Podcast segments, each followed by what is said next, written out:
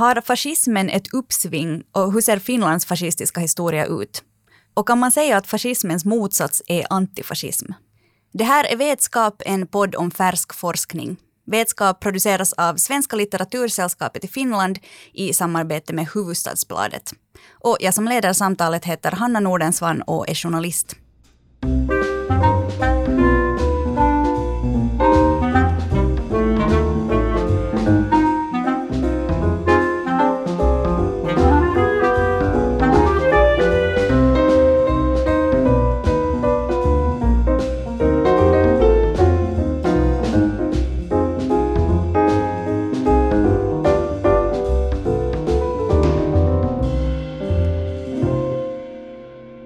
Dagens ämne är alltså fascism och antifascism med fokus på Finland.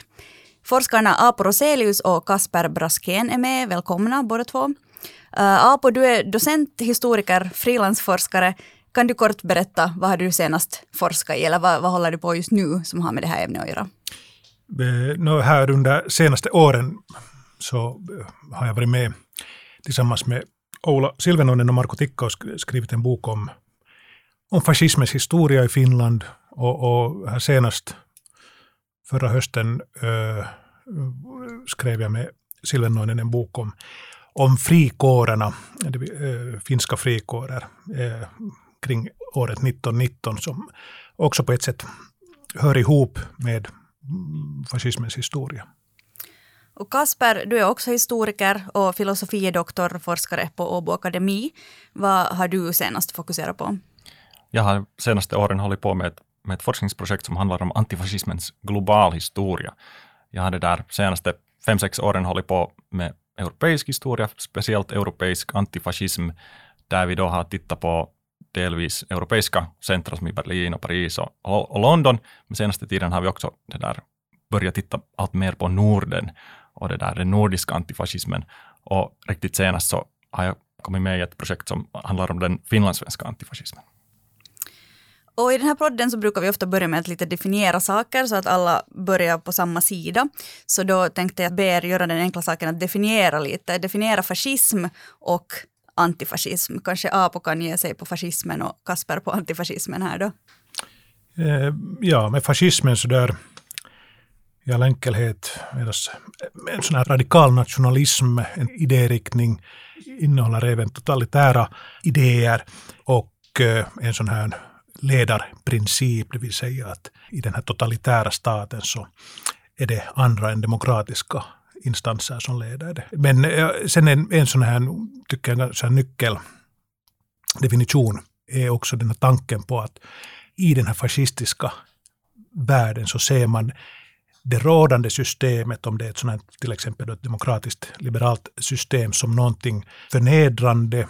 Man ser en kulturell nedgång dekadens och att enda vägen till räddning är en sån här nationell pånyttfödelse. Så just den här pånyttfödelsetanken är central i, i fascismen. Mm. Och hur är det med antifascismen? Nej, med antifascismen så, så i all sin enkelhet så handlar det om att bekämpa fascismen, vad än den är just i det, det historiska läget. Mm, men antifascismen i sig är ju ett väldigt brett fenomen och ett brett projekt också som kan handla om att försvara det demokratiska samhället till exempel. Det kan handla om um, att, att um, bibehålla vissa centrala rättigheter som, som då trampas ner av den, av den fascistiska sidan, som, som, som just den här, det, det som fascisterna beskriver som dekadensen och den här, den här uh, deras, i deras ögon negativa utvecklingen, som från den antifascistiska sidan bejakar den här, den här, den här samhälleliga uh, pluralismen, så att säga. Så på det viset kan man se dem som, som motpoler, men å andra sidan så är det också en, en, en stark förenkling att se det som, som enstaka motpoler. För att det som, det som jag skulle vilja spinna vidare på, där, fascism, begreppets kanske föränderlighet och på en vis jätteutmanande fråga att, att fånga in det att hej, vad är fascismen för någonting? Att vi till exempel så har ju jättesvårt att, att se på fascismen och inte tänka på vad ska vi, det här slutspelet, tänka på, på holocausten, vi tänker liksom på andra världskriget, vi tänker på alla de här hemskheterna. Men de som, när fascismen uppkom på 20-talet, så, så då fanns ju inget av det här ännu. Att just att försöka tänka sig tillbaka, när man tänker på fascismens historia och antifascismens historia, att de som kämpar mot fascism, så de visste ju inte om och vad som skulle komma, men ändå såg de det här som en relevant, relevant kamp att, att, att det här engagera sig i. Och det här är för oss en intellektuell alltså utmaning direkt, att hur ska vi kunna tänka oss tillbaka till det här 2030-talet utan att bara tänka på det här slutet och, och, och hur det liksom påverkar vår förståelse av fascism. Och ja, det, hur ser ni som forskare, alltså om vi ännu pratar om definitioner, det känns som att speciellt fascism är ganska känsligt att försöka definiera eller att, att människor verkar inte riktigt hålla med om, om vad som kan definieras som en fascist eller som fascism. Är det en utmaning när man forskar i det ämnet? Eh, det är klart det är någonting som eh, man lever med och hamnar och eh, funderar över. Det, om man tänker speciellt liksom inom historieforskningen så försökte man hitta exakta definitioner, speciellt på 70-talet var, var tanken den att allt, allt måste kunna definieras exakt. Och, och man försökte och har försökt länge också definiera till exempel fascism. Att vad är fascism? Att det skulle finnas en lista på eh, olika saker och om det uppfylls så kan man säga, så blir det så här svartvitt, att endera är du fascist eller sen är du inte fascist. Men att det är i, i något skede av Eh, eh, här under årens lopp har man eh, till stor del, de flesta forskare kommit underfund med att det, det är liksom en omöjlighet att söka eller gå den här vägen, liksom att hitta det där exakta. Och, och, problemet kanske med fascismen är just det att det är så pass, eh, den har en så mörk historia, eh, så som Kasper sa, den här, den här liksom andra världskrigets den här eh, katastrofhistorien, vilket gör att det, att, att det är ganska få som vill ha någon koppling till eh, denna term eller, eller medge att de skulle vara självfascister. Men som forskare så kan man ju inte utgå från enbart vad en grupp själv, hur de analyserar sig. Utan, eh, så att, eh, jo, det är en, på grund av fascismens mörka historia så är det alltid utmanande och, och, och det finns alltid den här stämpeln som på ett sätt som man även som forskare måste beakta. No, om vi går tillbaka då till början så var det på 20-talet som man brukar säga att, att fascismen föddes. Varför föddes den just då? Fascismen har sina rötter förstås tidigare men att eh, det är nog första världskriget som är den här stora eh, händelsen som, som omskapar, rubbar hela, hela samhället, eller samhällena i Europa och de politiska idéerna, förståelsen, förväntningar. Och, och, det är den här liksom, första världskrigsandan som det är därifrån som man hittar de här, den här fröet till de här fascistiska rörelserna och, och även förstås eh, många andra idéideologier som sen eh, blomstrar upp på 20 och 30-talet. Om, om man så där tänker just på första världskriget som en sån här upplevelse, så för många var det en eh, för det första så fanns det eh, en, en klar tanke på att det är någonting som är, är positivt, alltså någonting som renar. Det här stora kriget som skulle rena. Eh, det här var ofta förekommande tankar före första världskriget och att, att det har en renande effekt på just på en sån här dekadens. Eh, och, och, så att, eh, och det här, är ju, det här var liksom in, inom breda samhällsgrupper och, och bland många författare till exempel som, som uttryckte sig den här vägen. Men att sen under kriget, så här, dessa fyra år, så uppstår det eh, också en sån här stark eh, idé om ett frontmannaskap. Det vill säga att de människor som upplever det, där, det här kriget, de tar inte bara emot den här möjligheten att vara med i kriget, utan också det, det börjar ställas krav. Liksom, att hur, hur ska samhället se ut? Om vi genomgår detta helvete nu så måste det vara till någon nytta. Det vill säga, det kommande världen måste, se, eh, liksom, måste vara bättre. Och det är härifrån sen föds de här eh, ofta radikala idéerna om hur världen ska organiseras bättre. Hur ska vi få det bättre? Och, och fascismen är en radikal lösning till de här tankarna. Vill du Kasper tillägga något där? Jo, alltså den här, den här lösningen, då man ser så, så är det ju speciellt inom den nationella ramen, då, att det, det är ju de italienarna som ska få, få sin, sin, sin rätta del, sin, sin, liksom, sin vinst av kriget, sin vinst efter den här, de här insatserna och, och samma, samma, samma, alla nationer som tycker att vi har, vi har offrat så mycket att vi ska få, få vår del. Medan sen å andra sidan så är det ju många av dem som har varit med, speciellt arbetarklassen, som då kanske vänder sig mot ännu mera vänster och mot, mot Moskva och Lenin och säger att, att nej, att lösningen inte är inom den här nationalstaten, utan det är inom den här internationalismen, det är inom en, en ännu mer radikal uh, revolution som, som det där uh, inte kan genomföras på det nationella planet, som bara liksom sätter tillbaka den ordning som fanns före kriget, utan nu måste liksom helt, helt kortbacken liksom lagas om. Och det, det, det är mycket viktig poäng, poäng det där just att i, i det här försöket att försöka förstå 20-talets, eller hu, hu, till exempel 20-talets fascism, det här med att det är faktiskt fråga om en, en, en katastrof som man just har genomlevt och att det finns ingen äh, patentlösning på hur vi ska, världen ska gå vidare. Och, och, det här är förstås, om man tänker från dagens synvinkel, där vi haft en, en mycket lång period av en, en, en, en sån här i Europa, en sån här, eller ska vi säga Västeuropa, en sån här demokratins framgång och, och en sån kapitalismens fram, eh, liksom framgångssaga.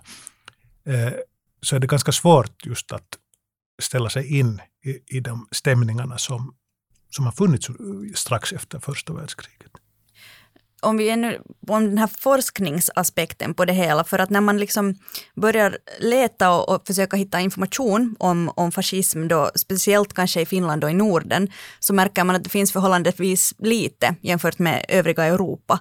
Håller ni med att, att vi i Norden, i Finland, inte kanske har tittat så mycket i backspegeln på vår egen fascistiska historia? Mm, jo och nej, alltså. Man har skyggat för att se det som fascism kanske. Alltså, inom, det är intressant alltså inom finsk historieforskning så eh, har det varit rätt populärt att forska i dessa radikala nationalistiska rörelser eh, som AKS, Lapporörelsen, IKL. Alltså AKS, eh, det akademiska Karelensällskapet som var en eh, mycket dominerande radikal nationalistisk studentorganisation under 20 och 30-talet och IKL, den här isänmaallinen kansanliike, som var en fortsättning på Lapporörelsen och, och verkar som ett politiskt parti i, i Finland under 30-talet och 40-talet. Och, och, och, det intressanta är att de här, det här, i det här forskar man under 70-talet och 80-talet ganska ivrigt. Men att sen, under den här tiden så forskar man till exempel i inbördeskriget, finska inbördeskriget ganska lite.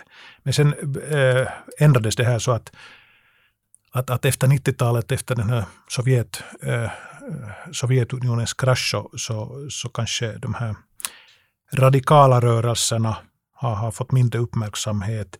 Eh, I det stora hela är det ju klart att eh, det, det är ett svårt tema, speciellt eh, om man, i en sån här nationell historieskrivningstradition som, som finns konstant förstås närvarande och som man själv också är en del av.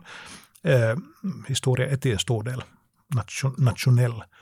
Eh, så klart det är, det är ett svårt tema. Ofta finns det en benägenhet att, att, att försöka eh, bevisa att det egna landets historia är en, en, en sån specialväg, specialhistoria så att, som inte skulle vara så kanske eh, negativ som andra länders. Eh, så att jag tror att det är den här typen av effekter. Försök att undermedvetet se den egna, det egna landets historia i mer positiva drag. Och jag tycker det är en jätteviktig poäng för att, för att just sen, sen om alla nationer gör just så här, att vi är så speciella och vi har inte liksom med den här histori hemska historien om fascism och nazism att göra. Kanske den här tidsperioden då 70, 70, 70-tal speciellt var man var just så här jättenoggrann med de här, försökte hitta de här kategorierna och de här exakta definitionerna på fascism. Och sen såg man på det historiska skeendet och de historiska förloppet och sa att ja, det här passar kanske inte riktigt in, utan det här var då kanske något ultranationalism mm. eller det här var någon slags protofascism kanske eller, eller det var liksom någonting, någonting däremellan. Men Fascistoid. Det, fascistoid eller någonting sånt här, liksom, ja. väldigt märkliga det här, uh, det här definitioner ändå som, som, som kom fram just för att man var så på något vis fixerad också vid att, att antingen är det eller sen är det inte.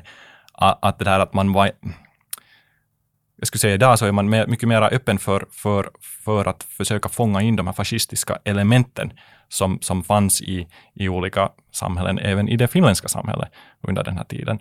Och det där att om man bara tittar på vilka partier som fanns som faktiskt kallar sig då fascister eller nationalsocialister, så, så var de ju väldigt små och de var väldigt det här obetydliga på det viset att, att, att det var väldigt, väldigt det här små små klickar av, av, av, människor som, som, som var i de här rörelserna, speciellt i Norden. Skiljer sig Finland från, från övriga världen eller övriga Europa? Brukar utvecklingen till sådana här extremrörelser se ungefär likadan ut överallt i världen? Har Finland liksom, vad var vår grej när det kommer till fascism? No, eh, det är samma, samma eh, fenomen. Allt får ju en, en lite egen speciell berättelse, nationell berättelse kring detta.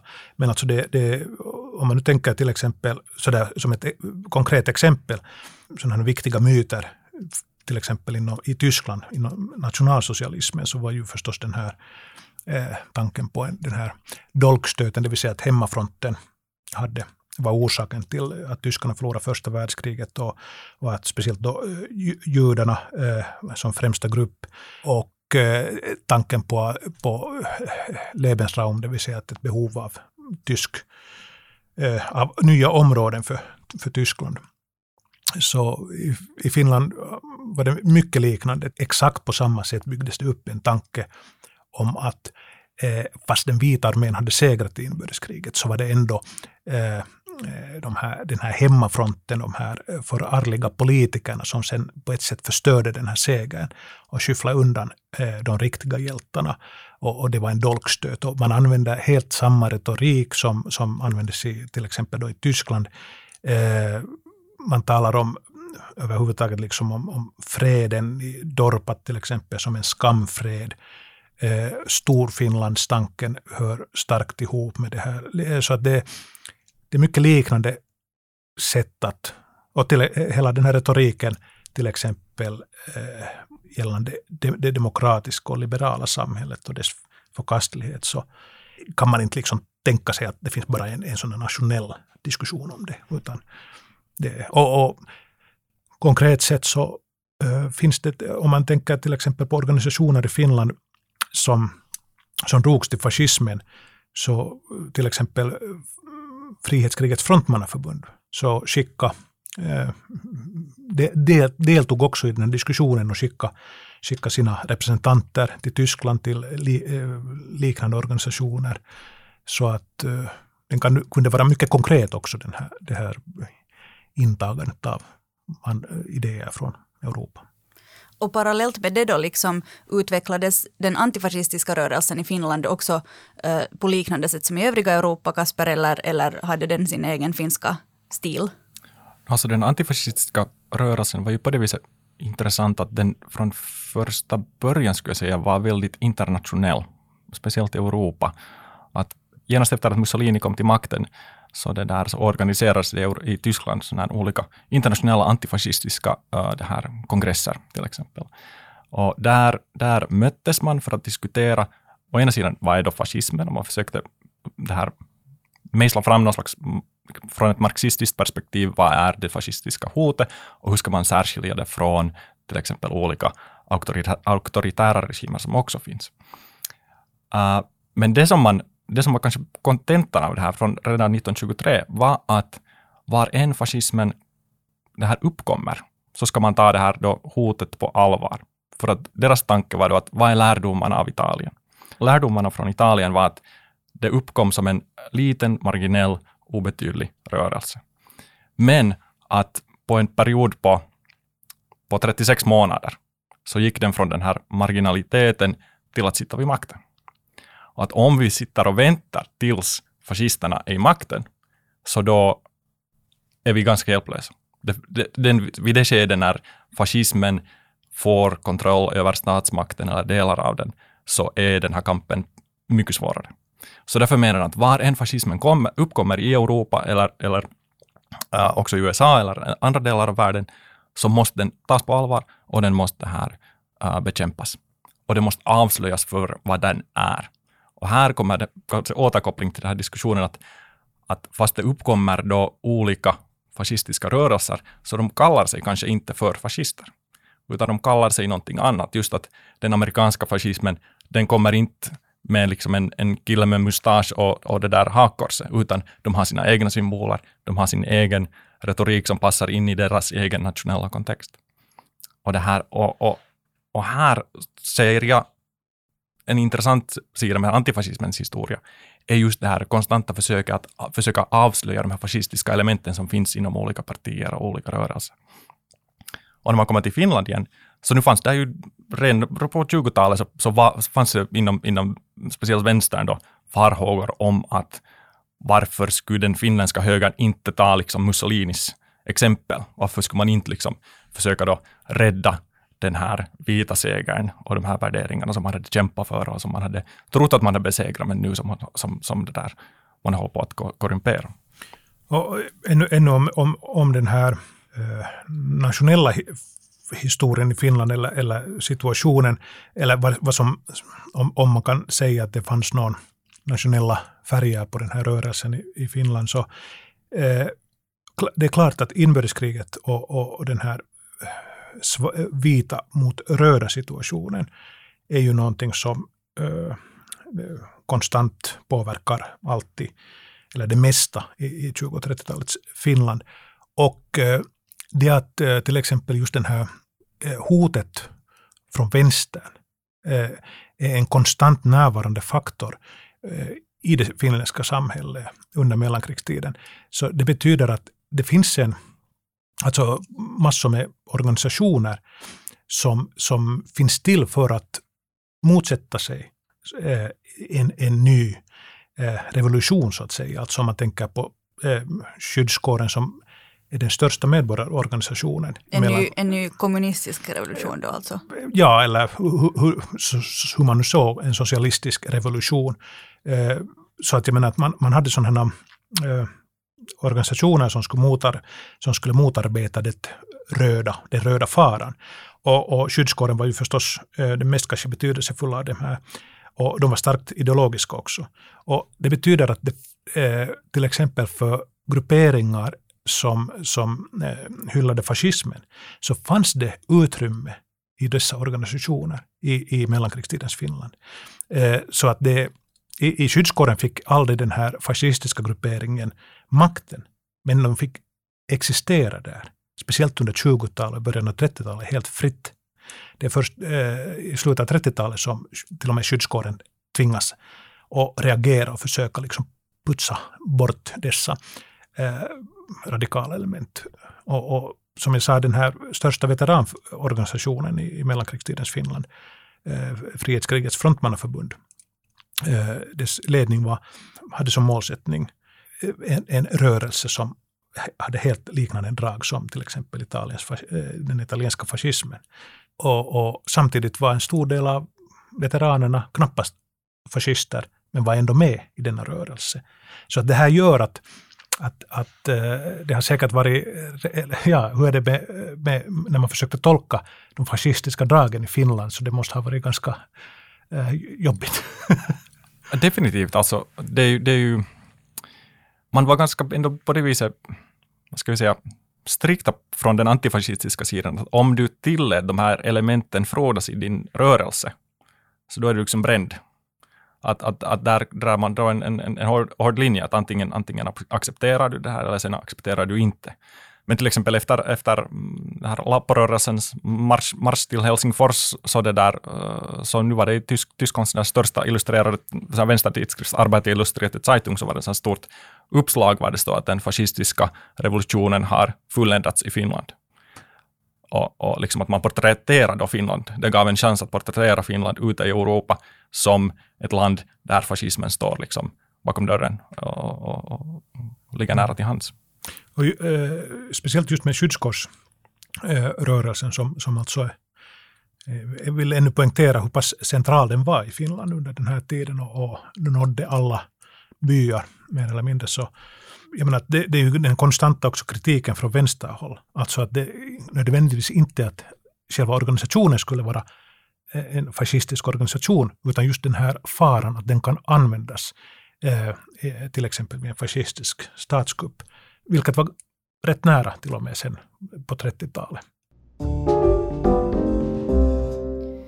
I det här avsnittet av Vetskap handlar det alltså om fascism och antifascism och med forskarna Kasper Braskén och Apo Roselius. Kasper, du sa redan där tidigare att, att, liksom att på något sätt se fascism och antifascism som motpoler är att förenkla det ganska mycket. Kan du utveckla lite det? Varför kan man inte säga att det är varandras motsatser? No, alltså, det bäddar för en sån här väldigt traditionell, jag vet inte, kalla krig, sån här historiesyn om att antifascism är kommunism. Alltså. Att det finns, det liksom att antifascism, det är kommunism eller okay, kanske anarkism eller, eller någonting sånt här, men att, men att man tecknar upp den här då helt klara liksom vänster, vänster höger motpolen. Uh, vilket ju inte stämmer, varken jag skulle säga för Finland eller för, för det här Europa heller, utan det finns alla möjliga olika variationer av den här antifascismen, där du har olika liberala, till och med konservativa det här, uh, krafter som, som vill och, och är beredda att bekämpa fascismen att var man vill, vill försvara det demokratiska samhället och de, de liberala värderingar som, som finns.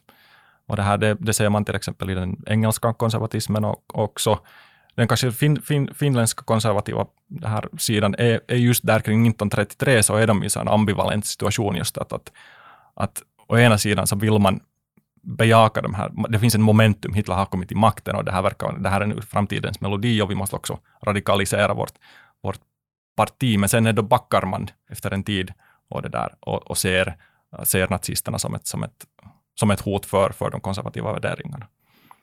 Att därför just att, att det finns de här olika sidorna, att, att om du bara ser det som motpol, så då bäddar det just för den här uh, att antifascism är kommunism. Och, och, så är det ju inte. Och du har olika, till exempel, med andra exempel, uh, kyrkliga organisationer jag menar protestanter, katoliker och så vidare som, som bekämpar nazismen i, i, i Nazityskland. Så det, där, det finns ju alla möjliga olika variationer mm. som är viktiga att, att här komma ihåg och som inte kan liksom målas över som att ha, de var kommunister. Och gällande, om man just tar den här 30-talets Finland då, då den här fascismen var som starkast och, och till och med i vissa stunder när likna någon typ av folkrörelse Eh, inom, genom den här Lapporörelsen och IKL. Så eh, där var ju motkrafterna, det vill säga den här antifascistiska fronten i princip var, bestod ju av, av borgerliga partier plus Socialdemokraterna som, som, som bildade en sån här laglighetsfront. Och inte, inte, inte liksom radikal-vänstern som satt till stor del i fängelse. Precis. Och, och, för att ännu liksom prata om motpoler och antifascism, alltså om man tittar på Finlands historia och ser på hur både vänstern och högern, den politiska vänstern och högern, såg på fascismen under den här perioden. Hur såg de här två sidornas antifascistiska arbete ut? För den fanns väl ändå på båda sidorna också? Alltså om man ser på antifascismen så, så vänstern har ju varit mera där för, för vad ska vi säga, gatans politik som, handlar, som, som är jättecentral. Alltså. Förstås att du ska, du ska, vara, du ska vara synlig och du, du är beredd också att ta den här kampen mot de här fascistiska trupperna av olika slag.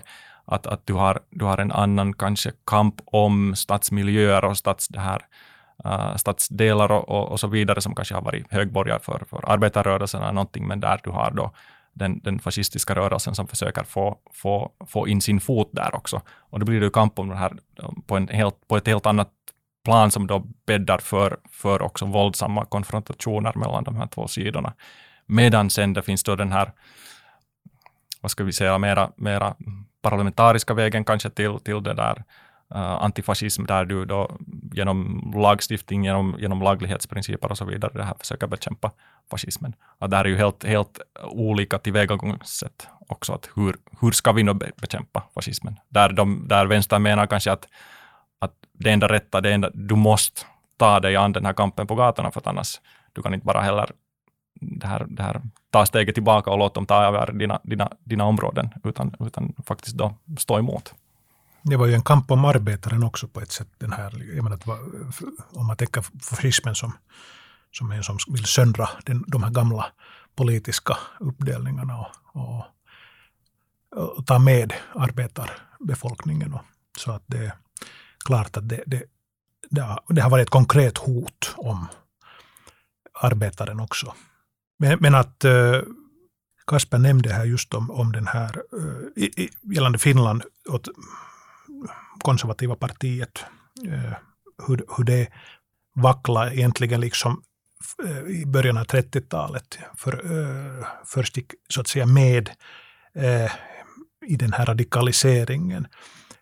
Men, men det misslyckades politiskt och, och de förlorade en massa röster till de ännu mer radikala Eh, så, och, och sen blev det en vändning. Och, och där var nog alltså just den här, ändå den här traditionen av en sån här laglighetsaspekt starkt närvarande. Så att, eh, men att Kokomuspartiets historia eh, har nog varit rätt svår att berätta för, inom partiet gällande 30-talet. Alltså att man, gled, man, man gick så pass mycket med nog i den här radikala riktningen. Eh, så, så att det, den har varit ganska traumatisk. Mm. Det här är ett bra exempel också, det är ju inte ett fascistiskt parti, men just att, att de går med i den här.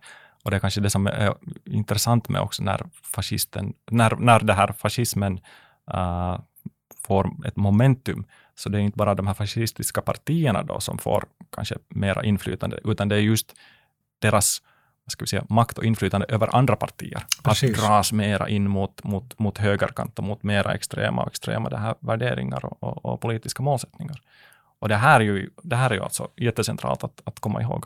Att fast man då kanske delvis jublar i, i Norden över den här att man inte hade någon fascistisk fara, men hur påverkades de här vanliga partierna från i, i mitten och, och till och med på vänster, att hur man, hur man liksom dras mot, mot, mot det, de här fascistiska det här eh, uh, tankesätt.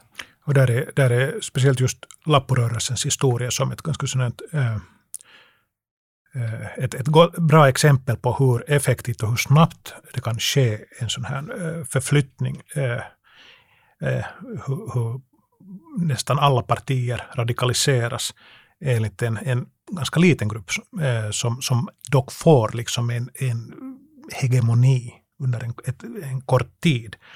Och, och det, det, det är ju häpnadsväckande om man tänker på hur litet stöd till exempel den här radikala elementen hade i parlamentet på 20-talet. Och sen har vi en situation där liksom allt svänger under ett år, från hösten 29 till sommaren 1930, då, då, då liksom eh, i princip, eller eh, ja, partierna möjliggör och de här övriga part, eller partifältet så att säga köper det som lapporörelsen ger dem eh, eller kräver. Och, och det, det liksom, man mer eller mindre accepterar en sån här halvt genomförd statskupp. Det som kanske, jag tänker i alla fall, jag tycker det är lättare att förstå det där eh, om man tänker på den tiden eh, jämfört med nu. Jag tror att det var du Apo som sa åt mig tidigare när vi pratade i telefon att man måste komma ihåg att på den här tiden var demokrati inte på samma sätt ett liksom allmänt etablerat samhällssystem som det är idag, att det var också på sätt och vis en, en ny grej man testade. Och då förstår man kanske bättre liksom, hur det kunde bli sådär. Jo, det, det är viktigt att inse. Och, och, och speciellt också just den, den, här demokratin.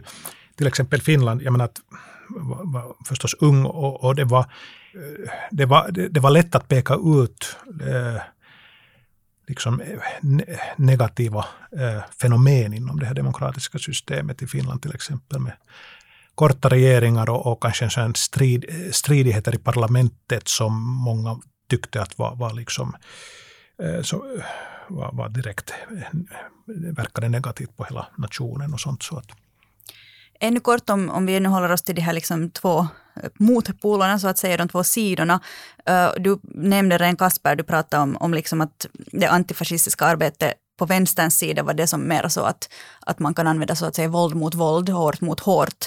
Men kan ni prata lite om hur man såg på våld inom de här två organisationerna, uh, antifascism då och fascism? Det, var det liksom en självklar del av det man höll på med? Inom fascismen är det, är det en, en central komponent, alltså våldet. Men eh, att man är redo att an, äh, acceptera våld som en metod äh, till denna pånyttfödelse. Alltså det är så pass, den här tanken just på en sån här nationell pånyttfödelse, den, den är så pass radikal och to, totalitär. Så det, det, därför är det, går det inte att utestänga våldet från en sån här eh, brutal process. Utan, och, och, just med tanke på till exempel hur den eh, skapas, eh, eh, eller jag menar de här rötterna i första världskrigets skyttegravar och, och den här frontmanna upplevelsen och brödraskapsupplevelsen i kriget som finns konstant närvarande i de här fascistiska rörelserna. Så den, den bygger, där är, där är våldet och eh, centralt med. Ja, så det är ju det, är ju det där en, en, vad ska vi säga, en svår sits för många antifascister, just att hur, hur, hur, ska, man, hur ska man ta sig an ett sånt här, en sån här utmaning? En rörelse som bejakar våldet och som ser det som en, en legitim metod att, att få, sin, få sin vilja igenom. Det finns då den pacifistiska falangen som, är, som, som, som, som under 30-talet speciellt allt mera förlorar sin, sin fotfäste och folk inser att, att det räcker inte. Att va, den, den liksom att, helt enkelt att vi, vi blir överkörda. Um, att, att det enda sättet man, man kan göra, och som man måste göra, är att också ta till vapen i olika, olika det där, på olika sätt. Det är ju inte heller en lösning på, liksom att det kanske, man kan vill det här, upprätthålla den här kampen med fascisterna och, och, och upprätthålla det här ständiga, ständiga det här våldet mellan grupperna. Men sen att, att någon deras skulle få någon slags överhand eller någon slags avgörande mm, seger, så, så, så det, det händer ju inte för, för antifascisternas del heller. Men det är ju många som menar att, att vi borde ju ha tagit till ordentligt, ett, ordentliga våldsmetoder redan liksom långt före fascisterna kom till makten. Att om vi skulle ha då krossat dem, så då skulle inte just den här alternativa historieutvecklingen då som öppnar sig. Att, att Hitler kanske aldrig skulle ha kommit till makten. Då skulle vi aldrig förlora alla liven som förlorades i andra världskriget och så vidare. Att om man då enligt den antifascistiska synen skulle ha tagit det här hotet på allvar och skulle ha då mer eller mindre då på olika sätt krossat den i, i det här tidiga skedet, så då skulle ha man, okay, man skulle ha tagit till våld nu, men man skulle ha sparat många människoliv i framtiden istället. Och det här är ju ett, det är ett dilemma. Det är ju för, för i, i alla tidsåldrar ett, ett, ett dilemma. Att hur ska man ta sig an det här? Hur ska man förhålla sig till våld? Du har skrivit, Kasper, i, i tidskriften Ikaros så skrev du en essä om raseri som drivkraft inom antifascismen. Finns det antifascism utan liksom raseri och ilska mot fascismen? Mm, ja, alltså speciellt, speciellt då på 20-30-talet så kanske man men som kanske också kan tillämpas till idag, kanske det är att vad är det här fascistiska hotet och hur de centrala aktörerna inom den antifascistiska rörelsen, de har ju då insett och förstått då den, det här hotet som finns. Men att hur ska du sprida det här, den, här, den här kunskapen till andra eller få andra till insikt då om att fascismen utgör ett hot och att, och att, det här, uh, att du ska aktivera dig för att bekämpa den. Så uh, olika sätt att sprida då nyheter och, och både, både då berättelser och, och då, uh, nyhetsbilder och olika, olika sätt att använda propagandan alltså, uh, och, och, media för att upplysa människor runt om i, i världen om vad fascisterna gör och hur just det här våldet som, som de, de kommer att ut, utlösa över, över vanliga människor och arbetare och, och så vidare. Och, och, här finns ju alltså väldigt, väldigt det här enkelt äkta, verkliga historier om människor då som har utsatts för det här våldet. Och som du kan då berätta om det här, om vanliga arbetares det här, uh, uppoffringar i fast deras antifascistiska kamp och vad det har lett till och hur, hur, då, hur, och hur de här historierna då används till att engagera folk och till att kanske då tända gnistan till, till ett raseri till att vi måste det här då bekämpa den här, den här fienden de som, som, som skapas i de här bilderna också. Och eh, om, man, om man eh, ser på situationen eh, i Finland då under till exempel 30-talets den här Lappo-åren. Så det intressanta är ju där att det, det, finns, det finns ju ytterst lite av den här antifascistiska äh, aggressiva våldsaktionerna. Och, och, och säkert en, en, en, stor orsak till det är just att äh, det finska samhället kontrollerades ändå till stor del, till stor del av, Eh, av till exempel den här, eller ska vi säga, av skyddskåren, en, en sån skyddskårsvärld och idé. Och, och, med tanke på statspolisen och allt sånt här, att hur de hade uppkommit och mot vem de hade varit riktade.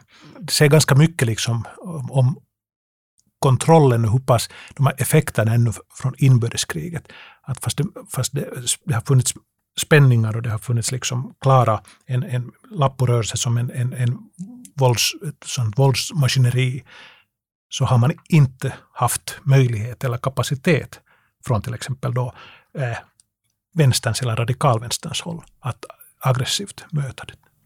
Precis, och där är ju Finlands läge ganska, att, att vänstern är ganska svag. Alltså. Att den, den, den är ju efter, efter 1930 rätt så, rätt så marginaliserad. Deras spelutrymme är ju alltså väldigt liten.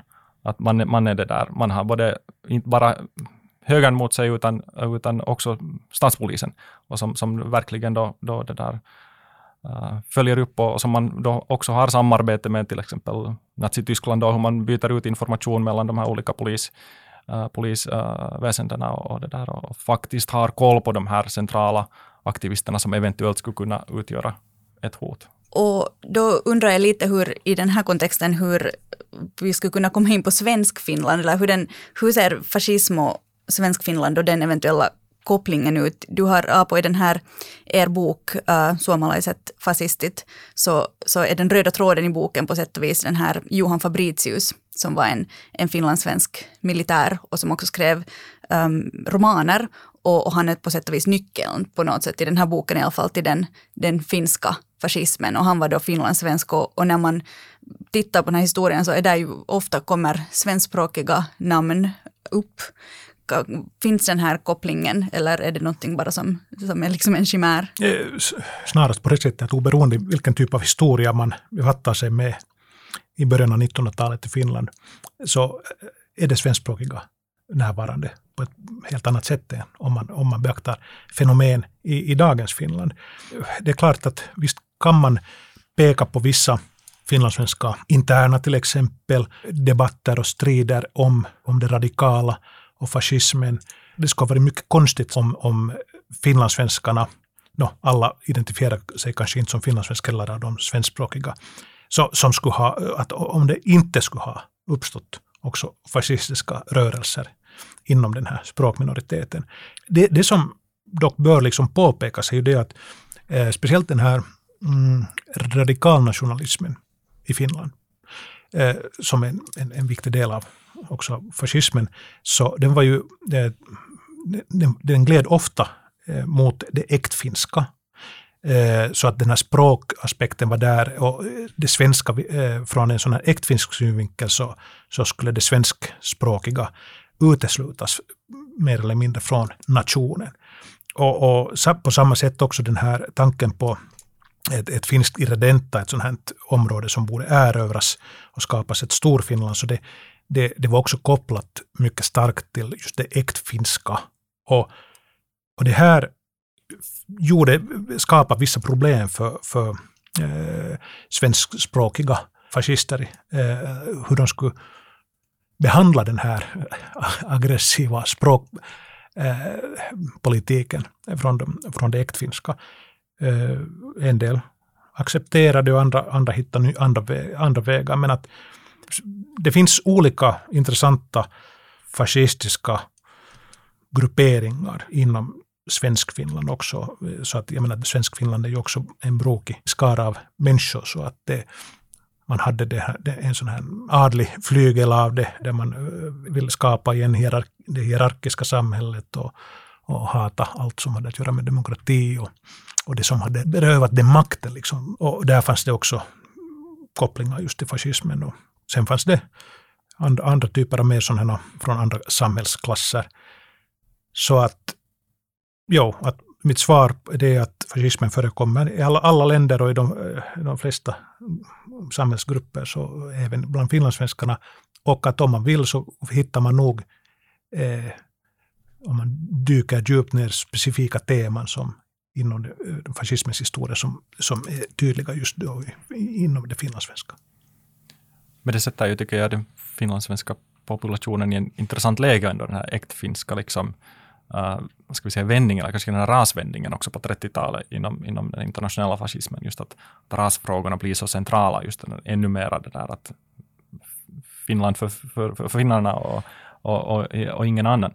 Och som, som finns liksom närvarande också, jag tänker på ofta tänker man ju bara på Nazityskland som den här var rasideologin kommer till, till, till sin ex, extrema form, men nu fanns den ju redan i den italienska fascismen, tanken om den här, den egna nationens och egna folkets på något vis uh, rätt att inte bara härska över sitt eget område, utan även härska över andra folk. Uh, som att man mm, har rätt till vissa områden i Balkan till exempel, eller man har vissa det här som ambitioner att skapa det italienska, det här väldet i, i, i Nordafrika, äh, erövrar Etiopien äh, och så vidare. Just att det här att vårt eget folk behöver det här, uh, det här levnadsutrymme och har rätt i det. Och har rätt att undertrycka andra människor för att vi är på något vis högre stående i den här hierarkin. Och, och, hur ser det ut i en finländsk kontext, Kasper? För du har ju alltså då tittat på antifascism, hur det hänger ihop med också antirasism och antikolonialism. Har Finland någon sorts sån här kolonial historia som man kan tala om?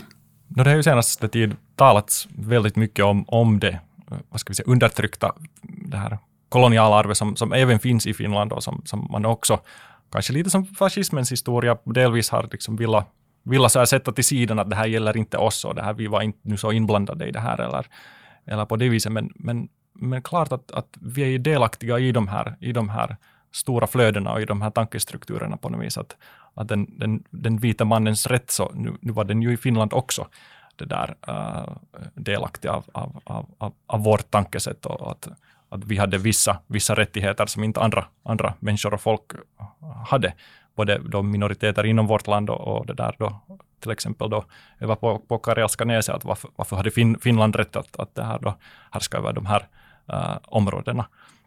Men annars också hur, vad ska vi säga, på, i och med att rasfrågan blir så central på 30-talet, så tar också antifascismen en slags uh, antirasistisk vändning på 30-talet, men som kanske inte syns så tydligt i Finland, men ute i Europa så, så är den väldigt central. Och där man binder samman då kampen mot antikolonialism och, och antifascismen uh, på 30-talet. Men vilket som också blir jättekomplicerad fråga, att, att vi har då många, till exempel um, Äh, afrikaner som är aktivister i, i Europa uh, och, som, och som, som det där försöker beskriva att det som ni bekämpar som fascism här, det är de facto det som vi har i vår vardag ute i kolonierna. Att det koloniala sättet att härska är fascism. Det finns en kolonial fascism där ute och som på något vis vänder, vänder på vår, vår, vårt sätt att uppfatta liksom världs, världen uh, under den här tiden. Men sen om, om den, de här sortens idéer hade genomslag i Finland så är jag inte så säker på. Men ute i Europa så, så, så finns det definitivt starkt med. I, I, Finland var ju förstås, om man tänker på 20-30-talet, så är ju förstås den här rasismen eh, speciellt liksom riktad mot Ryssland, eh, eh, det ryska folket och, och, och, och, det var en, liksom, en etablerad del av konstruktionen av, av, att, av den finska nationen. Var, var liksom den här eh, motsatsen fanns i, i, bakom öst, östgränsen. Och, och, det här är ju, den, den var ju etablerad på mer eller mindre statlig nivå, den här liksom, eh, rasismen, eller den här antiryskheten. Eh, så att det, ja, man kanske ska prata om någon sorts antiryskhet eller russofobi jo, och inte rasism. Där. Jo, men alltså nu är det ras eh, liksom klara också, alltså angrepp, angrepp just de här rasen. Och, och det äktfinska var ju inte heller germanskt, utan, utan liksom någonting som man, det äktfinska måste hela tiden eh, försöka bevisa att man inte eh, var asiatisk. Eh, så att eh, det blir ganska intressanta sådana eh, stridigheter där. Det finlandssvenska radikala så red ju mycket på den här, det germa, germanska och, och, som då under 30-talet till exempel som hade då förstås direkt koppling till eh, den nationalsocialistiska rörelsen i Tyskland. Men för att ta nu det här samtalet mera till idag, till nutiden, och det här med, med hur antirasism, kolonialism och antifascism, hur, hur det samarbetet syns idag. För att just nu så ser vi ju någon sorts liksom uppsving i alla fall i den antirasistiska rörelsen hela världen om att det, det är någonting som, som engagerar människor idag jättemycket. Ser du Kasper liksom att det finns fortfarande en, ett starkt samarbete mellan de här olika anti?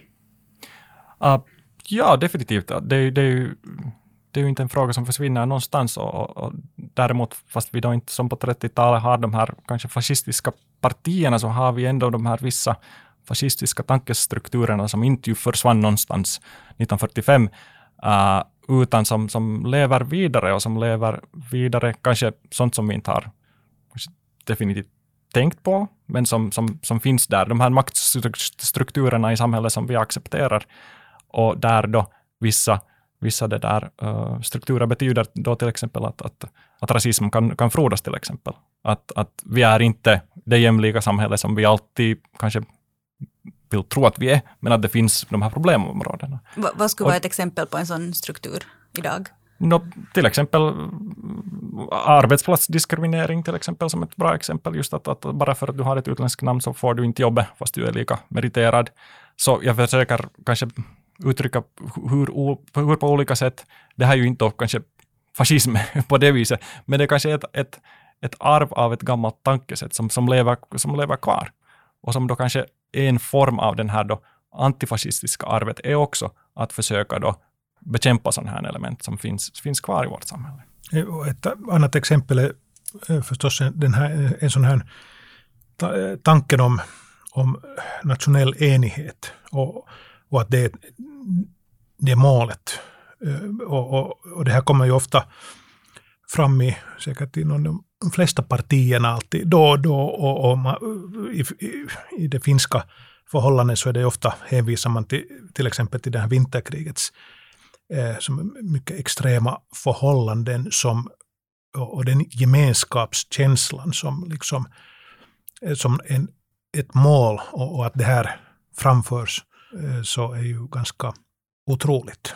Och, på ett sätt visar att att hur, hur, hur svårt det är att lösgöra sig från en sån här tanke på ett sånt här idealsamhälle där det inte finns någon, någon oenighet och alla, alla, alla höj, liksom arbetar för ett och samma mål.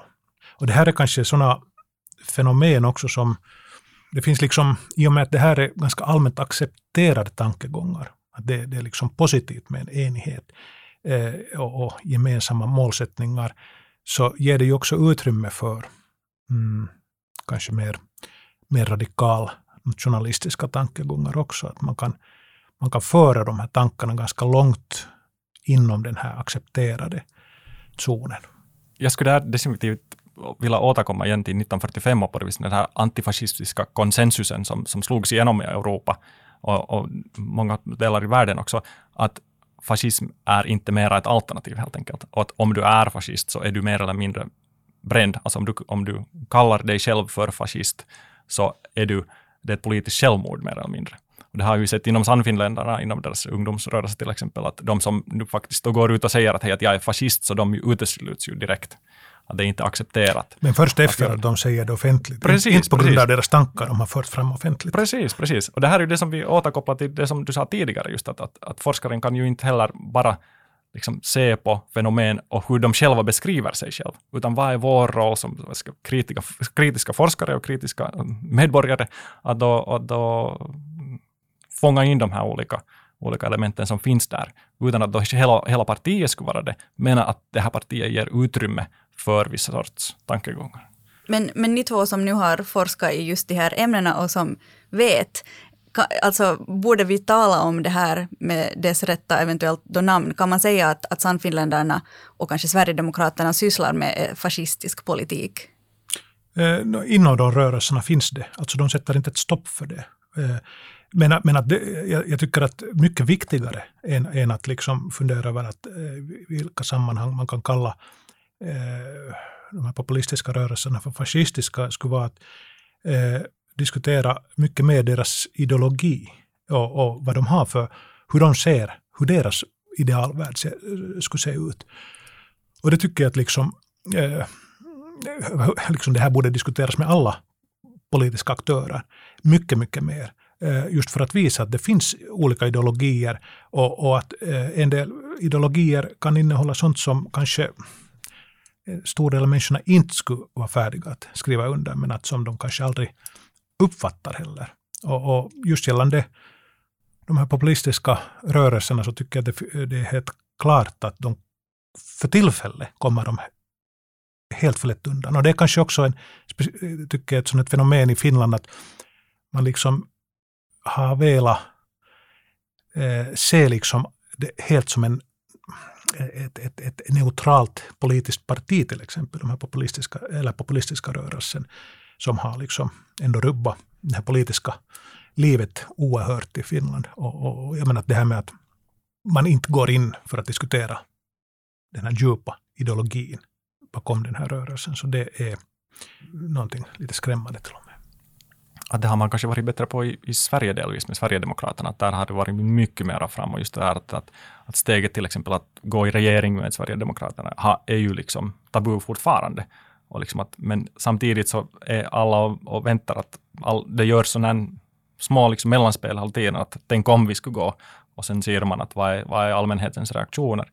Och hittills har det ju varit att, att, att absolut, att ni kan inte göra det här steget. Och det där, mm, vilket, vilket ju de här historiska, historiska det där, vad ska vi, läxorna är, är, är kanske bättre lästa där än, än, än, än här i Finland.